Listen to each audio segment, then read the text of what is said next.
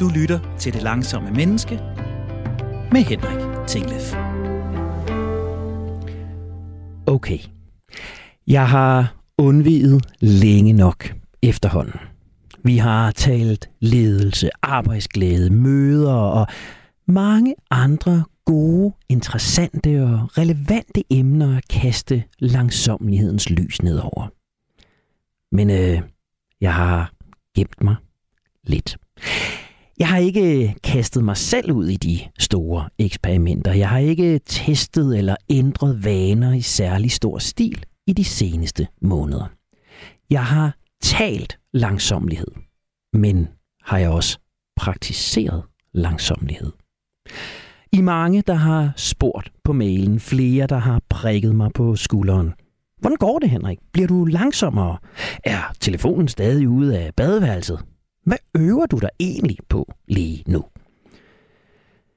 Og ja, jeg skal nok træde ind i følgespotten igen. Jeg skal nok hoppe ned i hamsterburet. Den levende laboratorierotte er tilbage. I har selv bedt om det. Så nu er der ananas i egen juice, tomater i naturlig lage, blomme i Medea. Status er egentlig meget simpel. Telefonen er stadig ude af badeværelset, og det er rart.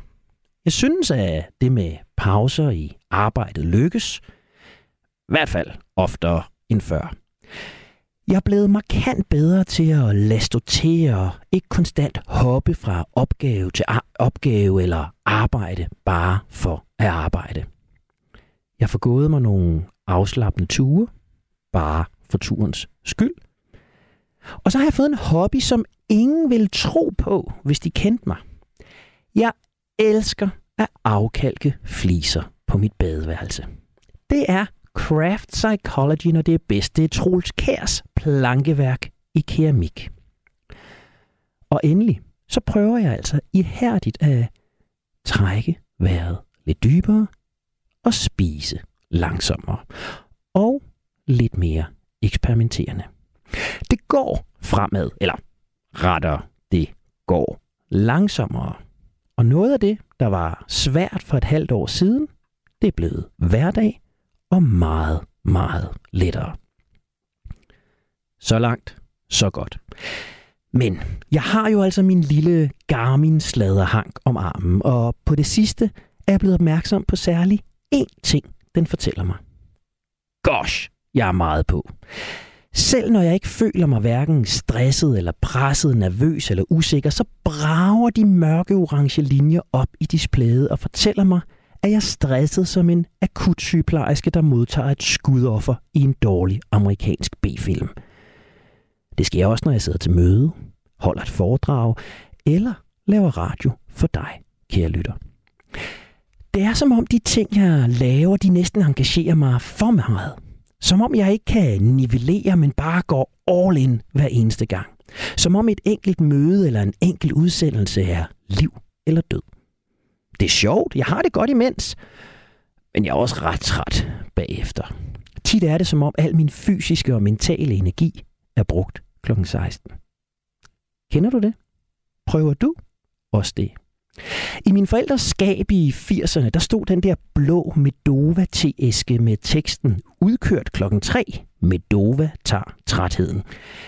Jeg tror, der skal adskillige breve bitter sort Medova til at rebalancere de udsving sladerhanken på min arm giver. Så det er nok ikke vejen. Spørgsmålet er nok nærmere, hvordan gør jeg det så lidt bedre? Hvordan gør jeg det lidt langsommere? Jeg hedder Henrik Tinglef. Programmet her er det langsomme menneske. Og sammen har du og jeg snart længe bevæget os mod at blive netop det. Vi begynder så småt at kunne skimte målet i horisonten, men der er stadig meget i og omkring os, vi skal have justeret ned i tempo. Så det er dejligt, at du er med mig på turen. Dagens emne er motivationsstress.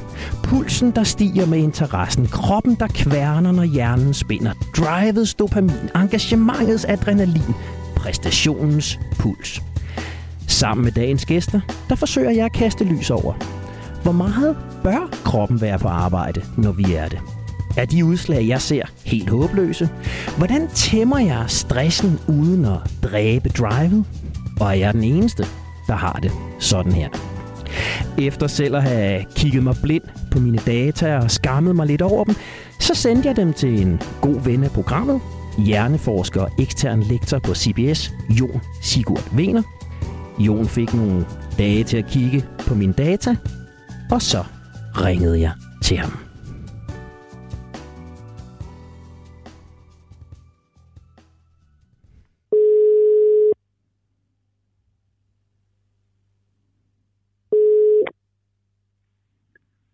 Det er Jon Wiener.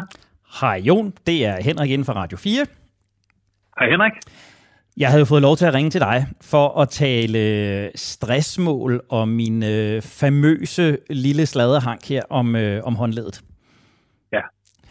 Og Jon, det er jo sådan, at øh, jeg har gået og holdt lidt øje med mit, øh, med mit stressmål på, øh, på trackeren her. Og øh, lige om lidt vil jeg gerne stille dig nogle lidt mere konkrete spørgsmål. Men bare for at både jeg forstår det, og i virkeligheden også, at, at lytterne er, er med på vores øh, sort snak lige om lidt. Når, når det her Garmin-aggregat giver mig et stressmål, hvad er det så, den fortæller mig? Altså, hvad består stressmålet af?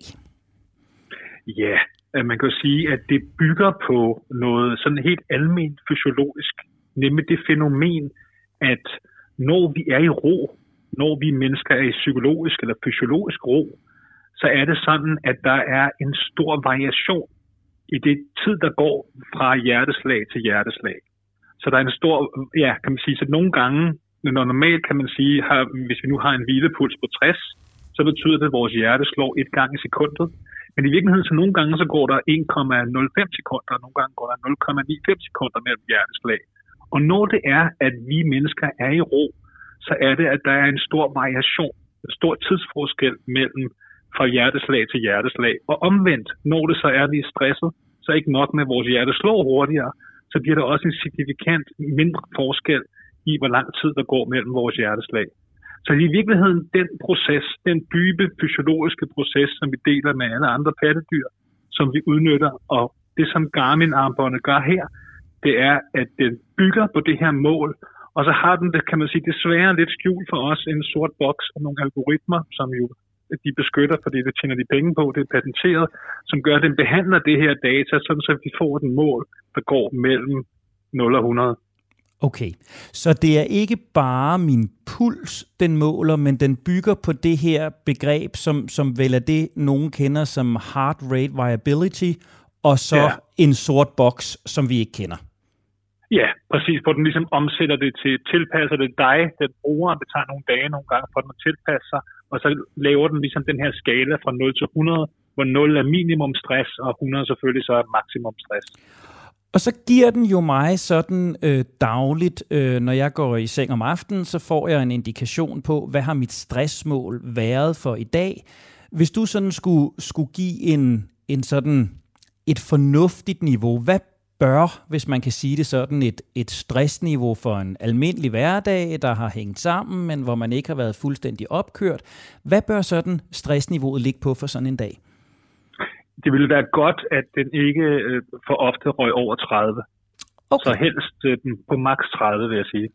Og hvis jeg så sådan situationelt øh, sidder og arbejder, øh, sidder stille, som måske ikke har så høj puls, men måske er stærkt koncentreret eller stærkt engageret i det, jeg laver, hvad vil så være et fornuftigt eller et, et forsvarligt stressniveau at have sådan ved, skal vi kalde det stillesiddende kontorarbejde?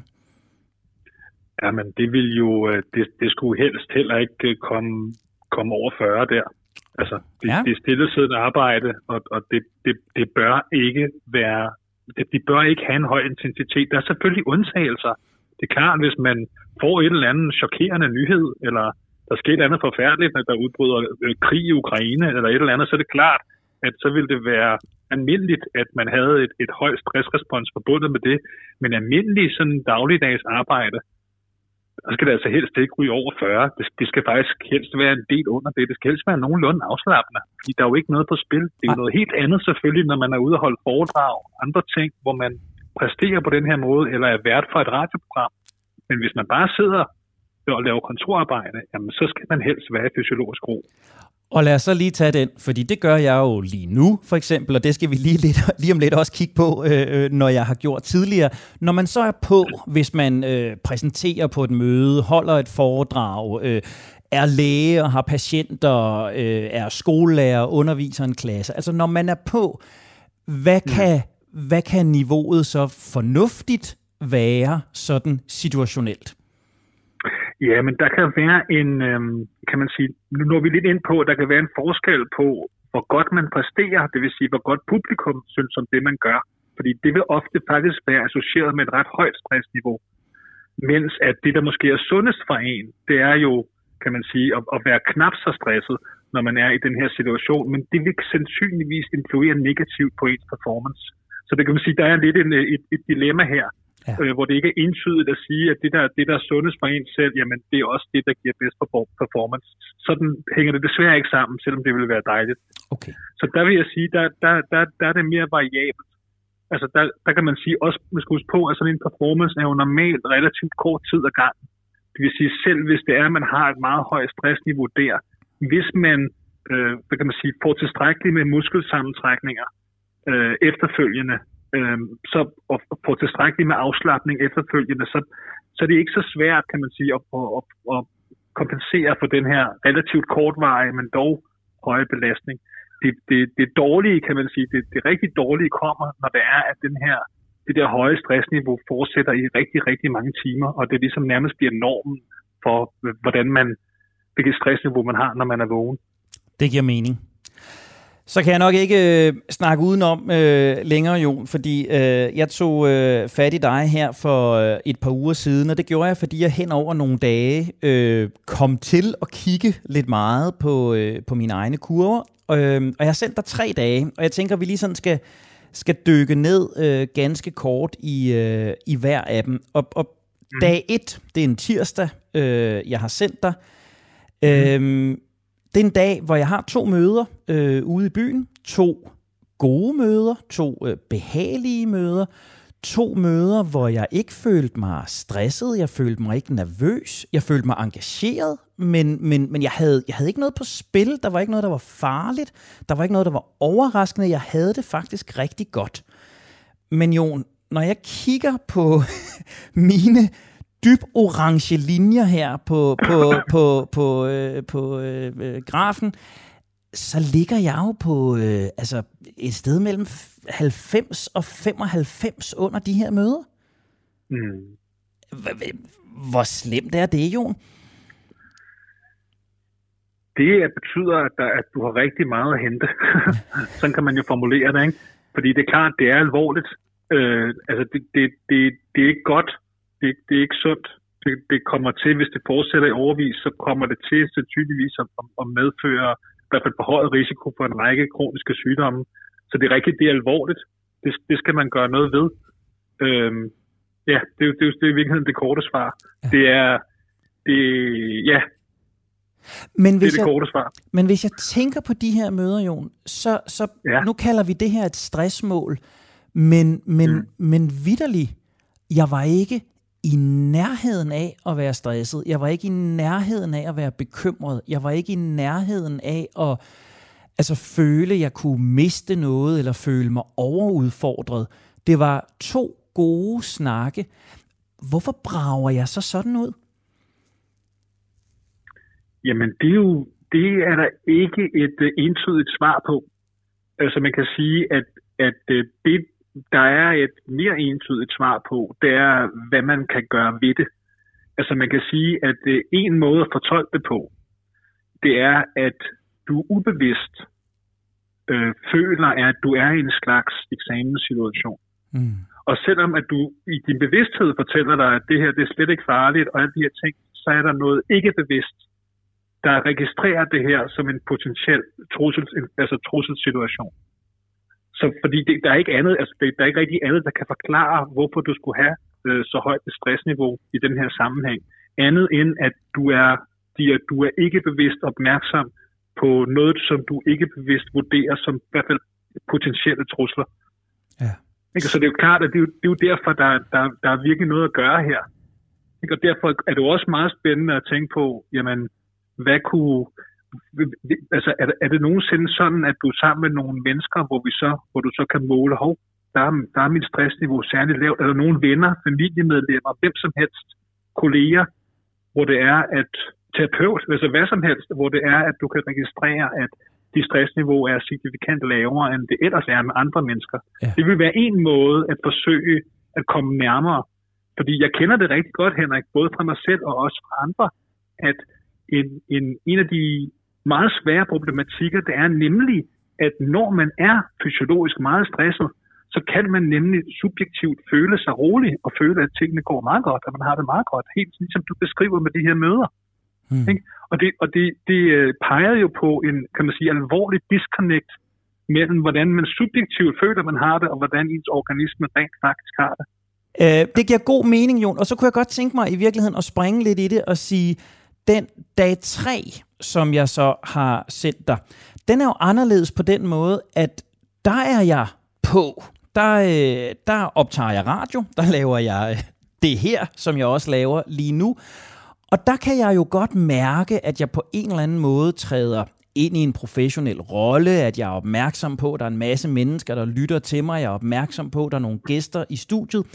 Øh, hvordan, ser, hvordan ser den kurve ud for dig, når du kigger på den? Er det en, en god performancekurve, eller er det en, en bekymrende performancekurve, du ser her? Man, man kan jo sige, at øh, altså, det er jo værd at bemærke, at det trods alt er en anelse lavere, end, øh, end det du beskrev før ikke? med de her møder.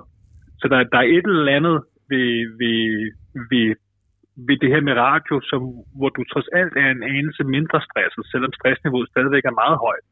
Jeg vil stadigvæk sige, at, at, øh, at selvfølgelig kunne det være lavere. Det, det er jo ikke sundt, Henrik. Altså det her høje stressniveau er jo ikke sundt altså jeg, når jeg siger det her med, at jeg tror, at, at det er en rigtig god performance, virkelig peak performance, hænger, hænger sammen med et højt stressniveau i den her sammenhæng. Så det er jo stadigvæk sådan, at hvis man har et stressniveau mange, mange timer øh, hen over dagen, jamen så, så, jamen, så, så er det jo giftigt for en. Selvom, at, selvom at, at folk er glade for en, kan man sige. Ikke? Selvom mm. folk synes, man er dygtig, så, så kan man sige, så slider man jo sig selv op ikke? Så, så, og vi, vi kender det jo fra skuespil, og vi, vi, vi kender det jo fra, fra hvad kan man sige, performanceerhverv, som, som jo også ofte er, er knyttet til netop altså meget, meget højintensive øh, præstationer, og så ligesom også perioder, hvor de ligesom ligger brak, eller ligesom må, ja. må, må trække sig. Ikke?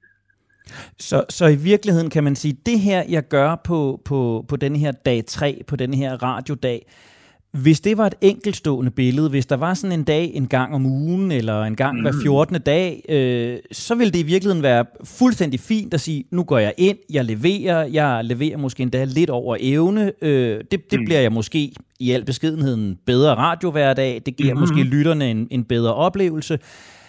Men, men det koster, så jeg skal betale tilbage, og jeg skal have noget restitution. Hvis det her ja. det bliver normalen 2, 3, 4, 5, 8 dage træk, så er det, det begynder at koste. Ja. Okay. Så der er forskel. Jeg må gerne, jeg skal skelne mellem, hvornår er det, jeg leverer, leverer, og hvornår er det, jeg laver noget normalt. Og der, skal, der skulle jeg gerne kunne se en større forskel, end, end det, jeg ser mellem de to øh, aktiviteter her, dag 1 og dag 3. Ja, det vil jeg sige, men jeg vil dog sige, at jeg er mindre bekymret over din radiodag her, ja. i forhold til din mødedag, fordi det, det, det var ligesom, det, det er mere forståeligt i en anden forstand, at du bliver jo optaget og så videre, og alt det stress, der er forbundet med at være vært, ikke? at være på, og alt det her ting. Altså, det, det, det bør jo alt andet lige være en helt del mere stressende, end at sidde til nogle møder, som du underkøbt beskriver som behagelige. Ja. Og det, at vi ser, at det stressniveau er lavere, når du så laver det her radio. Det er jo også ligesom værd at tænke over, så det lader, der lader til at være et eller andet omkring det der interpersonelle, øh, altså møder, noget med, med at være tæt på andre mennesker. Man kan sige, alt lige kan man godt beskrive det som at være mindre tæt på mennesker, når du laver radio. Der er ligesom en, en anden form for distance, ikke? så det kan godt være, at den intimitet, der ligger i møder, er, er det, som, som måske influerer på det ekstra høje stressniveau. Det giver, det giver i princippet øh, rigtig god mening. Øhm, lad os så lige til sidst her, Jon, prøve at kigge øh, på, øh, på dag 2. Det var en øh, onsdag, øh, jeg sendte dig. Der er en formiddag, hvor jeg i virkeligheden bare sidder på mit kontor. Jeg sidder og skriver på nogle øh, forskellige ting, Øh, der mm. følte jeg mig faktisk stresset. Der var jeg, øh, der havde jeg øh, i, i forlængelse af udsendelsen med Trine Kolding været en lille smule tidsoptimistisk. Jeg havde lidt flere ting på to-do-listen, end der nok var muligt at, at lægge ind på, på de der fire timer hen over øh, formiddagen. Og jeg følte mig faktisk lidt hektisk. Jeg følte mig faktisk lidt presset. Jeg, jeg var knap så fokuseret og, og, og lidt mere sådan shoppende mellem opgaver, end jeg egentlig brød mig om. Øh, kan man se det på mine øh, stressmål her? Men det sjove er jo, at, at, at du er jo nede omkring 50 der, mm. øh, som jo er atypisk lavt. Ikke? Altså, før talte du mellem 95 og 100, og måske omkring sådan 80 i gennemsnit, og lavet radio, så vi, vi er jo trods alt nede på et, et uh, signifikant lavere stressniveau. Ja. Øhm, selvom vi er langt fra at være i hvile selvfølgelig, ikke? hvor vi skal ligesom ned under 25. Ja. Men, men igen, altså, jeg vil jo sige, at igen er det jo påfaldende, at, at det du beskriver ud af de tre situationer, du har talt om, ikke? med møder, radio og nu være alene, at du beskriver det, som, hvor du er alene, som, hvor du føler dig mest subjektivt, kan man sige, stresset. Ja. Men det er der, du objektivt er mindst stresset. Ja. Ikke? Så igen peger det på den her, på den her disconnect. Og, og det er selvfølgelig også besynderligt, at, at når du sidder alene, uden nogen egentlige trusler, at, øh, at du alligevel skal, skal være relativt stresset på det her niveau på omkring 50. Ja. Så hvis jeg skulle, eller ikke hvis jeg skulle, men når jeg nu skal arbejde videre med, med det her, Jon, hvordan ville du så kort opsummere et par gode råd til mig? Hvad er det, jeg med de her data og de her beskrivelser, jeg har givet dig her, hvad er det, jeg skal være opmærksom på fremadrettet? Jeg tror, det er øh, i endnu højere grad at, uh, kan man sige, at øge øh, kropsfornemmelsen. Altså øge fornemmelsen af, hvordan du i virkeligheden har det. Altså, du, du, du har beskrevet det før, i hvert fald når vi har, når vi har talt sammen i tidligere programmer i dit, i dit programserie, at, at du, har, du har tidligere sagt, at, at du nogle gange i hvert fald godt kunne få en fornemmelse af, hvornår du slappede af, i hvert fald og at den godt kunne være konkurrent med, hvordan du, hvad, du, hvad vi fysiologisk, fysiologisk kunne måle på dig. Så, så en, en højere grad af fornemmelse af, øh, at, at, at, der, at der er større konkurrence med, med, hvordan du subjektivt føler dig, og hvordan din organisme objektivt har det. Det vil være godt. Jeg tror, altså for mig at se, ligesom jeg sagde her om, om torsdagen, øh, der, det vil sige den dag, hvor, hvor du arbejder hjemme, ikke, som jeg forstår det, der var der det der episode mellem, mellem 5 og 6 om aftenen, hvor, mm. du, hvor du var alene, øh, som du beskriver, ikke? Og, og hvor du var i meget lav stress, atypisk lav stress. Altså, jeg vil virkelig som en, som en lavt hængende frugt, kan man sige. Altså, jeg er lavt hængende frugt at gribe fat i, den er svær at udvide, men, men det her med at gribe fat i de her unikke episoder, hvor du har øh, i løbet af dagen, hvor du pludselig har noget tid, hvor du har lave stressniveauer. Find ud af, hvad er det, der sker der, og lad os, lad os få noget mere af det. Mm. Ikke? Det, det vil være, kan man sige, en, en lavt hængende frugt i den forstand, at der, der, der prøver vi at gribe fat i, i noget godt, vi ser, og så prøver vi bare at, at udvide det. Så det, jeg hører dig sige, Jon, det er, ja, jeg skal være opmærksom på, at der, hvor jeg i virkeligheden oplever, at jeg har det godt og, og føler noget er spændende, mm. der er jeg mere påvirket, mere stresset, end jeg selv oplever. Det er som sådan mm. fint, hvis jeg gør det, når jeg leverer, mm. når jeg performer, men så skal der lægges plads og tid til restitution, og så skal mm. jeg øve mig i den der connection mellem øh, oplevelsen af, hvordan jeg har det, og hvor stresset jeg rent faktisk er. Fordi det, der overrasker her, det er, at der, hvor jeg faktisk føler mig mest frustreret, mest stresset, det er faktisk der, mit stressmål er lavest. Er det rigtigt forstået? Mm. Ja, fuldstændig rigtigt. Jon Sigurd Vener, tusind tak, fordi jeg endnu en gang måtte øh, tappe din hjerne for viden om øh, den lille sladerhang på mit øh, armbånd. Jeg vil øh, ja. roligt, langsomt og balanceret kigge nærmere på, hvad jeg kan gøre ved det. Du har stillet ind på Radio 4. Programmet, der strømmer dig i møde, er Det Langsomme Menneske. Mit navn er Henrik Tinglef, og sammen med Jon Sigurd Vener er jeg lige blevet klogere på mine stress- og præstationsudsving, min puls og mine stresstal. Og min manglende evne til at mærke dem.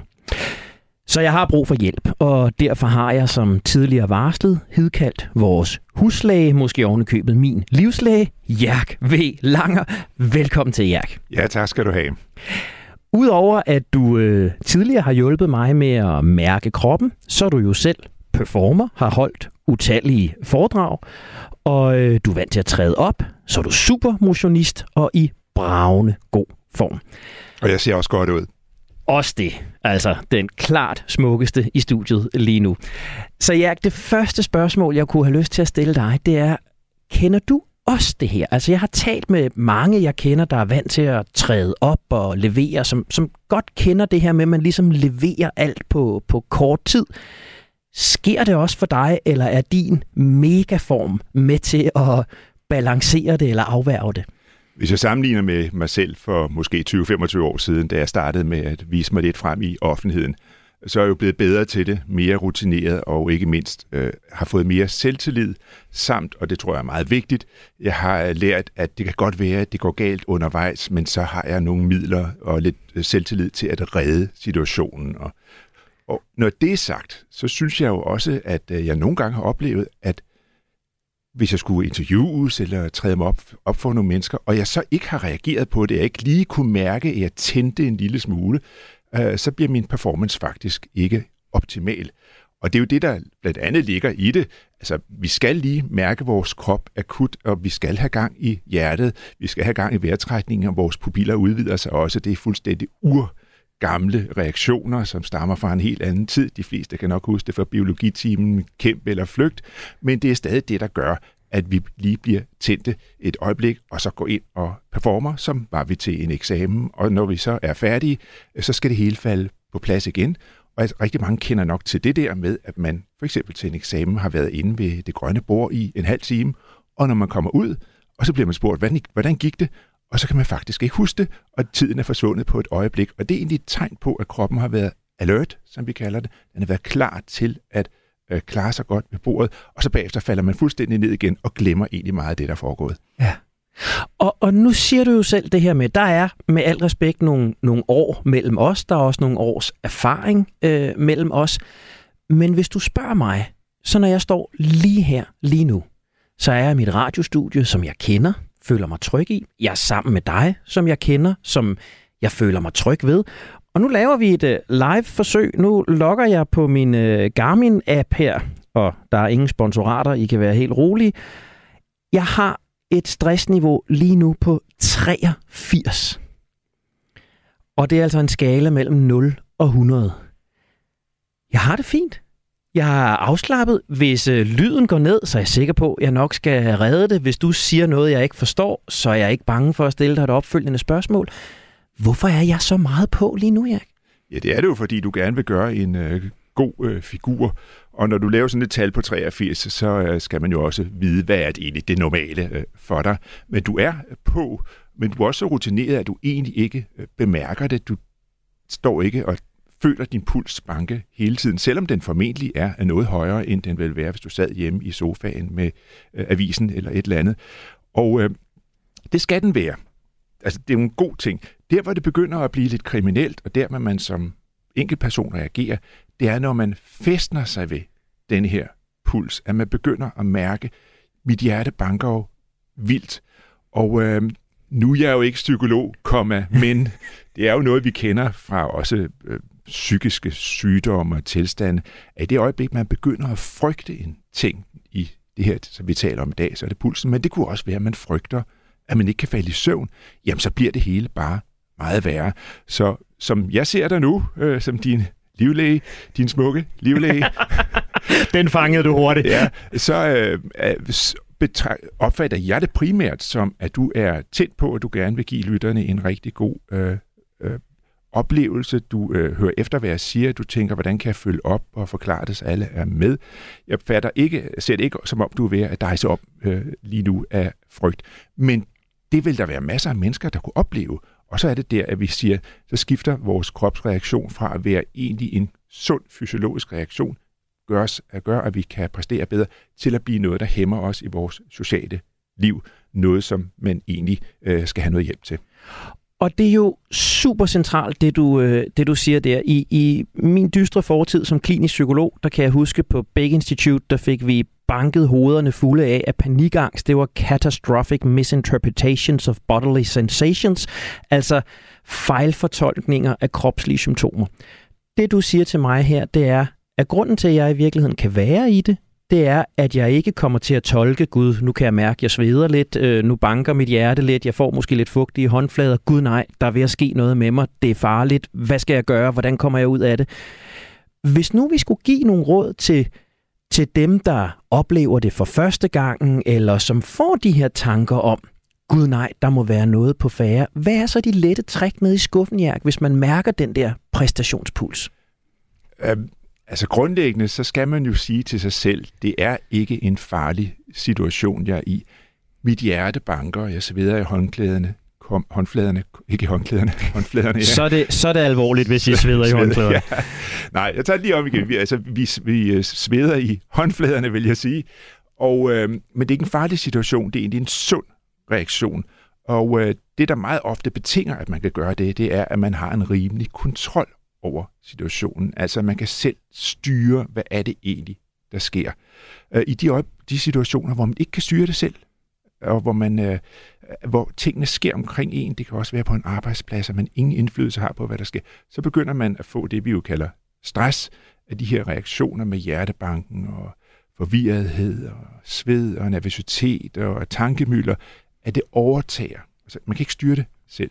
Så det vigtigste er, at man egentlig siger, det jeg gør, der er ikke noget galt i det. det er min, der, min krop ruster mig bare, og jeg har egentlig kontrol over det.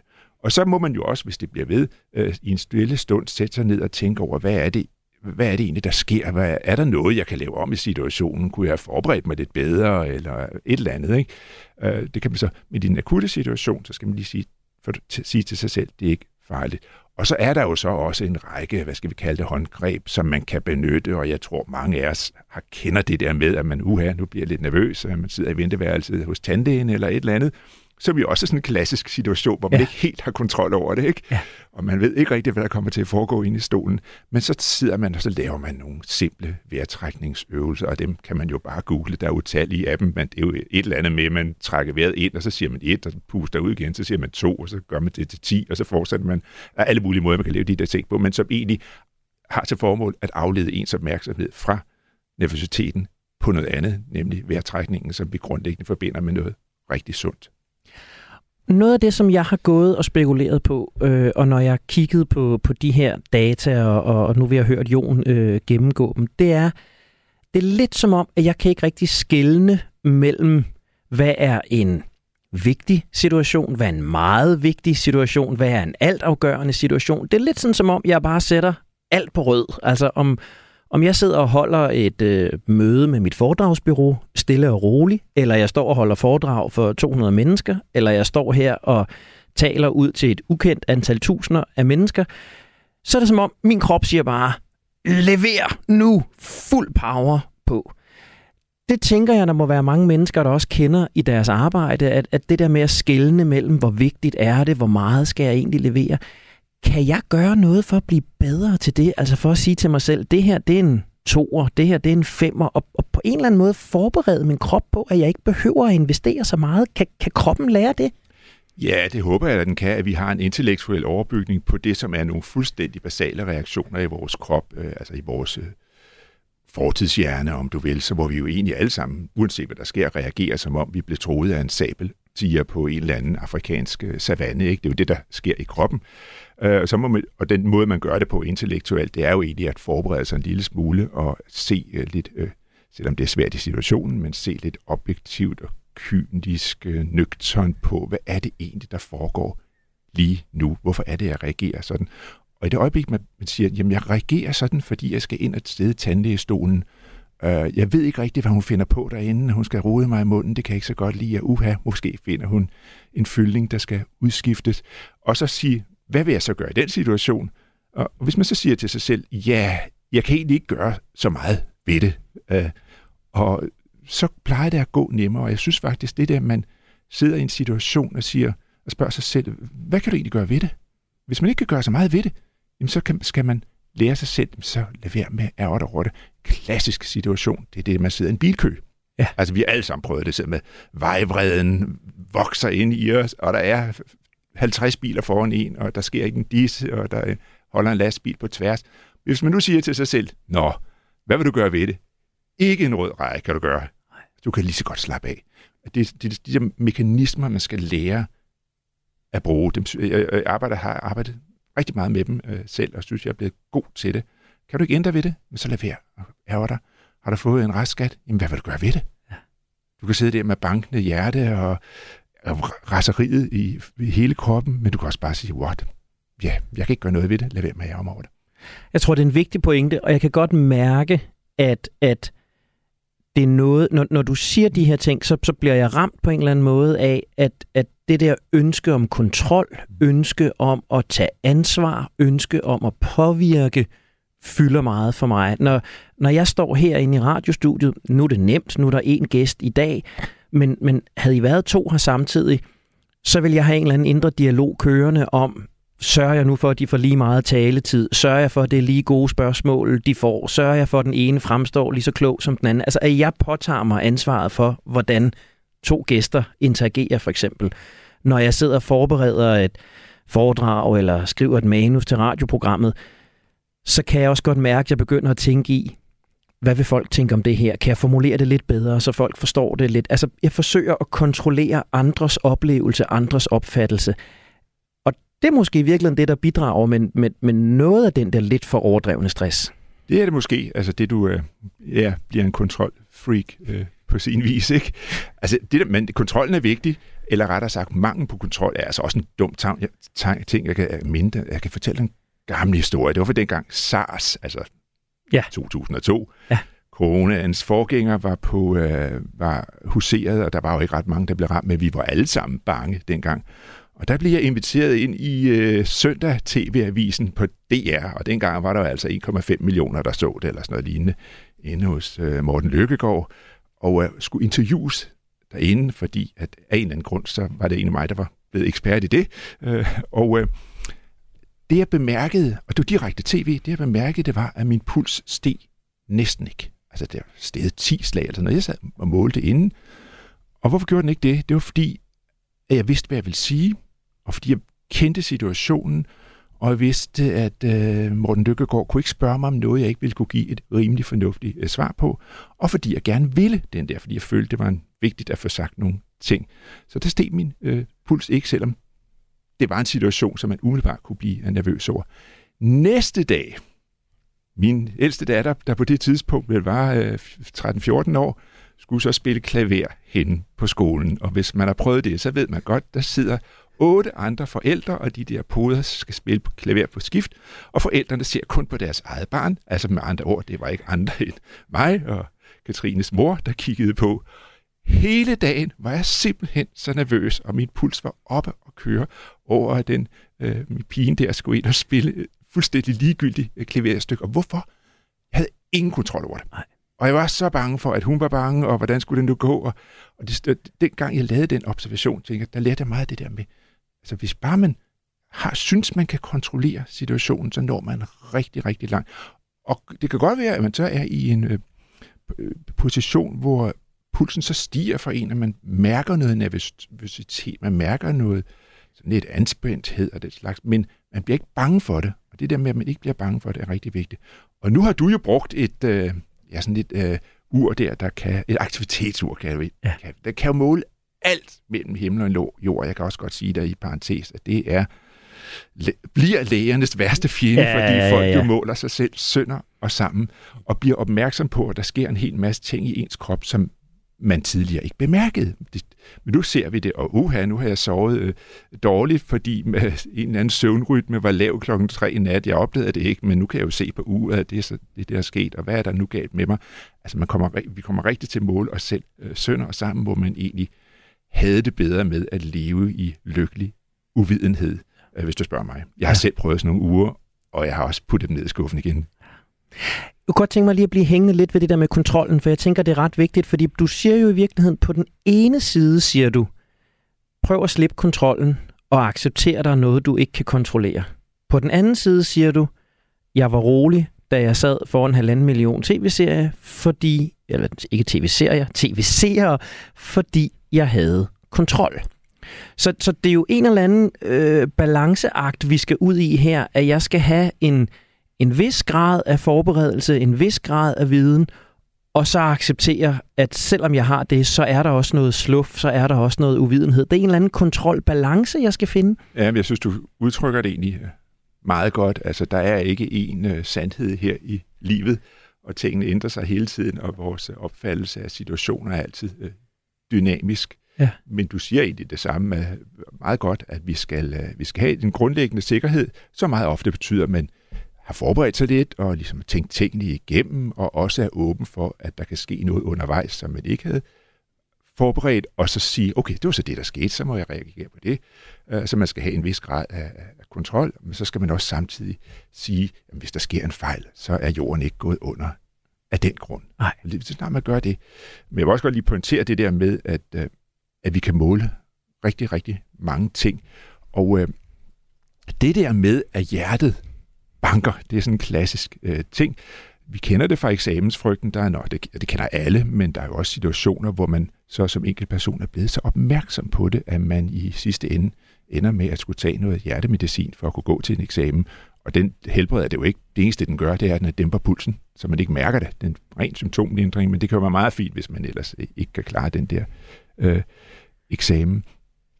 Men pulsen grundlæggende, og det er meget sjovt, og det er der ikke mange, der ved, og nu vil jeg egentlig spørge dig om det. Pulsens grundlæggende tal. Hvis du tager et hjerte, skærer nerverne væk, fjerner adrenalin og andre hormoner, hvor hurtigt tror du så egentlig, hjertet skal slå i minuttet? For at holde mig i live? Hvor hurtigt vil hjertet bare slå, hvis det, hvis det selv kunne bestemme det hele, hvis du koblede alle nervesystemerne osv. Hvor, hvor hurtigt vil hjertet egentlig slå? Hvad vil du tro? Jeg har ingen idé, og det tør jeg godt at sige i landsdækkende radio. Øh, jeg vil have, min, mit, mit rationale lige nu vil være at sige, en god hvilepuls ligger jo et eller andet sted omkring 50-55 stykker. Det kunne være et pejlemærke at gå efter. Så vil jeg tænke, at siden du spørger mig, er det nok ikke det, og siden du øh, taler om det nu, kunne jeg måske forestille mig, at det faktisk vil være højere. Jamen, du har fuldstændig ret. Det er cirka 100 slag i minuten, minuttet, altså en fuldstændig normal puls for hjertets vedkommende er 100. Og det er der jo ikke nogen af os, der vil gå rundt med. Og det betyder, at der hele tiden er noget, der dæmper vores hjerte. Det er det, vi kalder det parasympatiske nervesystem, det der gør, at vi er i ro. Men slipper man et øjeblik kontrollen, altså bliver man lige lidt følelsesbetonet, jamen så slipper man den der dæmpning, der hele tiden er på hjertet, og så flyver pulsen op. Og det er den der, og det, og det er fordi, det er en ting, der skal ske meget hurtigt igen har vi sabeltigeren, der står ja. og os. Altså, vi skal reagere lynhurtigt. Det tager lidt længere tid at få pulsen ned. Men faktisk er det det, der sker. Og hvis man tænker på det, når jeg slap lige kontrollen med mit hjerte et øjeblik, derfor begynder det at slå meget hurtigere. Så skal, går der bare lidt tid, så skal det nok falde ned igen. Det er en meget sjov måde at, en at tænke på det. super vigtig pointe, ja. og klart en pointe, som jeg vil tage med mig, når jeg øh, oplever, at mit, øh, min pulslag er lidt hårdere og lidt hurtigere, end jeg umiddelbart vil bryde mig om. Måske i virkeligheden bare tænke, hey, det er bare hjertets natur, der har taget over lige nu. Det er en meget god formulering. Fint. Nu øh, var du jo meget hurtig til at gribe, at, øh, at du var min smukke øh, livlæge, så jeg er jo nødt til at fortælle, at da vi stod og snakkede ude foran studiet, der bemærkede du, at jeg så veltrænet ud. Så har vi også ligesom fået det sagt. Øh, så jeg kunne godt tænke mig her til sidst lige at komme ind på træning, fordi selvom du fortæller mig, at det her er naturligt, og det er okay, og du jo i virkeligheden beroliger mig lidt i, i forhold til de her data, så kæmper jeg jo lidt med, at jeg synes, jeg ret tidligt på dagen bliver for træt. Altså, at jeg kommer simpelthen til at give for meget af mig selv. For eksempel, når jeg har lavet et par radioprogrammer eller holdt et stort foredrag, jamen, så er jeg færdig. Hvis nu jeg gerne vil ruste min krop lidt bedre til at at være i det her præstationsgame, som, som jo nu engang mit arbejdsliv er, er der så særlig træning? Er der noget, jeg skal være vigtig på i, i mine mange, mange træningstimer, som jeg jo ligger? Altså grundlæggende er det vigtigste, at man laver noget fysisk aktivitet, og det, der jo sker, det kan være udholdenhedstræning, altså løb og cykling og den slags. Det kan være styrketræning, hvor man løfter ting og så videre. Øhm, det, der man egentlig gør, det er, at man øh, gør kroppen i stand til at fungere mere aktivt med lavere puls. Altså kroppen bliver simpelthen bedre til at udnytte hjertets pumpen, og når hjertet ikke behøver at pumpe så mange gange, ja, så falder pulsen jo, det ligger i det. Så den vigtigste ting er, at man holder sig i gang. Det er, det er rigtig, rigtig vigtigt, fordi at hjertet så, eller kroppen simpelthen fungerer bedre.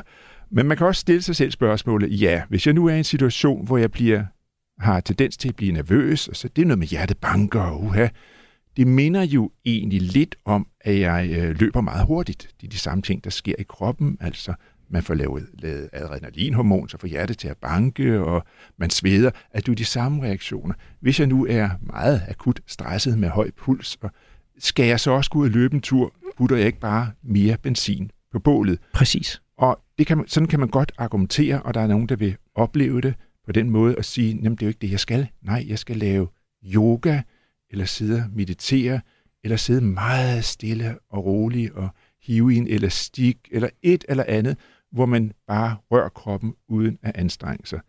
Jeg skal så også sige, at det er meget individuelt. Og jeg kender jo også, fordi jeg har været meget i løbemiljøet, folk, der er stresset sønder og sammen.